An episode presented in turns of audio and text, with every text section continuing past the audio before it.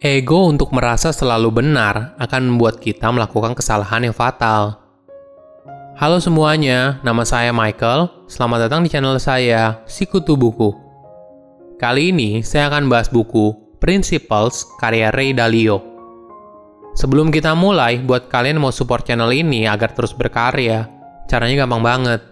Kalian cukup klik subscribe dan nyalakan loncengnya. Dukungan kalian membantu banget supaya kita bisa rutin posting dan bersama-sama belajar di channel ini. Buku ini membahas soal prinsip hidup dari Ray Dalio, salah satu pengusaha sekaligus investor terhebat masa kini.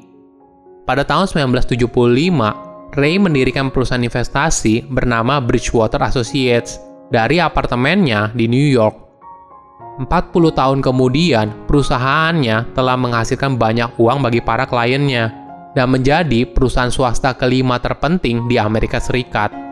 Bahkan, Ray sendiri pernah masuk dalam daftar 100 orang paling berpengaruh versi majalah Times.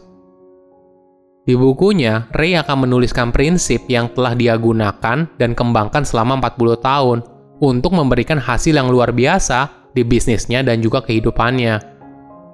Saya merangkumnya menjadi tiga hal menarik dari buku ini. Yang pertama, menjadi hyper-realis. Di bukunya, Ray memiliki misi penting untuk membagikan prinsip hidup ke generasi berikutnya tentang apa yang sudah dia pelajari soal menjadi sukses. Prinsip yang ada di buku ini membuat hidup Ray berubah dari kelas menengah hingga menjadi sangat sukses. Banyak orang bertanya pada Ray, bagaimana dia bisa sesukses sekarang? Apa rahasianya? Ray kemudian meyakinkan apa yang dia lakukan bukanlah keunikan dia sebagai pribadi, tapi berdasarkan prinsip hidup yang dianutnya, dan tentu saja bisa dicontoh oleh orang lain. Semua dimulai dari kemampuan untuk berani menerima kenyataan dan menghadapinya, daripada berusaha untuk mengacuhkannya. Ray bercerita tentang perjalanan hidupnya. Dari awal, dia ingin memiliki kehidupan yang luar biasa dia lebih takut hidupnya membosankan daripada gagal. Itulah yang membuat Ray sejak awal tidak selalu berpikir soal uang. Sejak kecil, Ray selalu mencoba hal apa pun yang dia inginkan. Gagal, bangkit lagi. Gagal, bangkit lagi. Dengan melakukan semua hal ini terus-menerus, Ray jadi belajar untuk menerima kenyataan dan bagaimana menghadapinya. Ray mengakui dirinya sebagai seorang hyperrealis. Apa maksudnya? Dia adalah seseorang yang memahami, menerima, dan menjalani kenyataan apa adanya, bukan seperti apa yang ada di imajinasi dia. Tentu saja, banyak orang bilang kalau hyperrealis berarti tipe orang yang tidak punya mimpi. Itu tidak benar. Tanpa mengejar mimpi, hidup akan sangat membosankan. Hyperrealis bagi Ray adalah mempunyai mimpi ditambah dengan menerima kenyataan apa adanya dan ditambah lagi kegigihan yang luar biasa. Itu adalah formula yang bisa membuat dirimu menjadi orang yang sukses. Bagi Ray, kita harus menerima kenyataan apa adanya, terutama kenyataan pahit tentang kondisi kita saat ini. Awalnya, menerima kenyataan ini pasti sangat berat dan menyakitkan tapi kita bisa melihatnya dari sudut pandang yang berbeda. Ray bercerita kalau dia melihat masalah seperti puzzle yang akan memberikan dia hadiah apabila dia berhasil menyelesaikannya.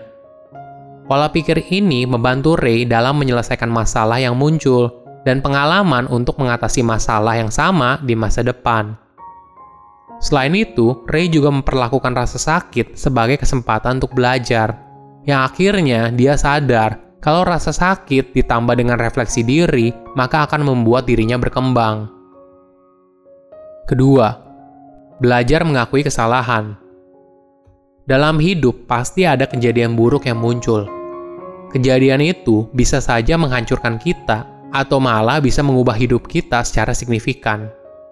Ray bercerita soal salah satu kejadian buruk yang menimpanya pada tahun 1982 saat itu, dia bertaruh besar pada kemunculan depresi ekonomi, tapi hal itu tidak menjadi kenyataan. Sebelumnya, pada tahun 1979 hingga tahun 1982, kondisi ekonomi global sedang buruk, dan Ray percaya kalau ekonomi Amerika Serikat pasti akan mengalami depresi. Kenyataan malah sebaliknya. Perlahan-lahan pasar saham bangkit dan bertahan selama 18 tahun ke depan. Bahkan, ekonomi Amerika Serikat saat itu mengalami pertumbuhan tertinggi sepanjang sejarah pada masanya. Kejadian ini merupakan pukulan besar bagi Ray. Dia harus memecat semua karyawannya, hingga akhirnya perusahaannya hanya tersisa satu orang karyawan, yaitu dirinya sendiri. Melakukan kesalahan yang fatal tentu saja sangat memalukan. Walaupun prediksi dia sering benar, tapi satu kesalahan fatal membuat reputasinya hancur. Pengalaman ini tentu saja bisa terjadi pada siapa pun. Bisa saja terjadi pada dirimu juga. Kamu mungkin akan kehilangan sesuatu yang sangat berharga bagi hidupmu, atau kamu menderita penyakit kronis, atau karirmu hancur dalam semalam. Di saat itu, kamu mungkin merasa kalau hidup kamu sudah selesai, tapi semua ini akan berlalu juga pasti akan selalu ada jalan untuk maju, dan kamu mungkin belum bisa melihatnya sekarang. Kamu hanya perlu merefleksikan hidupmu untuk menemukannya. Dalam refleksinya, Ray menemukan dua rintangan yang pasti dialami oleh setiap orang, yaitu ego pribadi dan blind spot atau titik buta. Pertama, ego pribadi.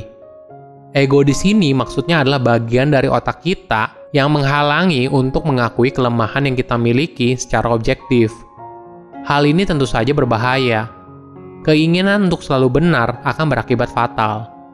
Pada dasarnya, hampir setiap orang tidak suka melihat kembali kelemahan atau kesalahannya. Respon yang umum terjadi adalah tidak peduli atau marah, walaupun tentu saja pilihan yang lebih logis yaitu mendengarkan masukan dari orang lain. Rintangan ini membuat kita memutuskan pilihan yang salah, belajar lebih sedikit, dan bahkan tidak hidup sesuai potensi yang kita miliki. Kedua, blind spot. Setiap orang pasti punya blind spot. Rintangan ini muncul ketika seseorang merasa dirinya sempurna dan tidak memiliki blind spot. Secara alamiah, setiap orang memiliki keunggulannya masing-masing ada orang yang lebih jago dalam melihat sesuatu dalam perspektif yang lebih luas. Ada orang yang lebih teliti dalam hal kecil. Ada orang yang kreatif, tapi selalu melanggar deadline. Ada orang yang tekun, tapi tidak kreatif. Semua ini adalah hal yang wajar. Ketiga, belajar open-minded.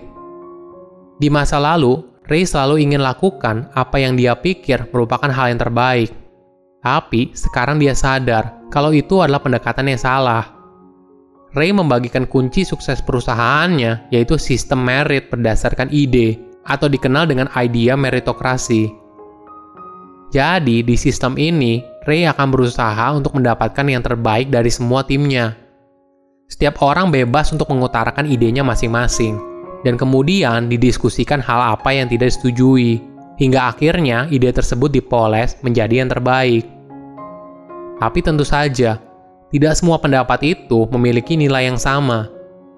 Sistem di Bridgewater akan menilai pendapat seseorang berdasarkan bukti yang dia sampaikan. Buktinya dapat berupa rekam jejak si pembawa ide, hasil tes ide tersebut, atau data pendukung lainnya. Hal ini membuat Ray melihat segala sesuatu dengan lebih jernih, bebas dari ego pribadi dan blind spot. Dia pun sadar kalau segala hal tidak perlu harus bersumber dari dirinya. Menariknya, dengan sistem ini, Ray jadi dikelilingi oleh orang-orang yang hebat. Mereka akan bertanya pada hal yang dalam daripada sesuatu yang sudah kita tahu jawabannya. Cara ini membantu Ray dalam hal pengambilan keputusan hingga akhirnya membuat dia menjadi orang paling berpengaruh di dunia. Prinsip hidup akan menjadi kompas seseorang dalam meraih kesuksesan menerima kenyataan apa adanya akan membantu kamu mengambil keputusan yang tepat dalam hidupmu. Silahkan komen di kolom komentar pelajaran apa yang kalian dapat ketika baca buku ini. Selain itu, komen juga mau buku apa lagi yang saya review di video berikutnya. Saya undur diri, jangan lupa subscribe channel YouTube Sikutu Buku. Bye bye.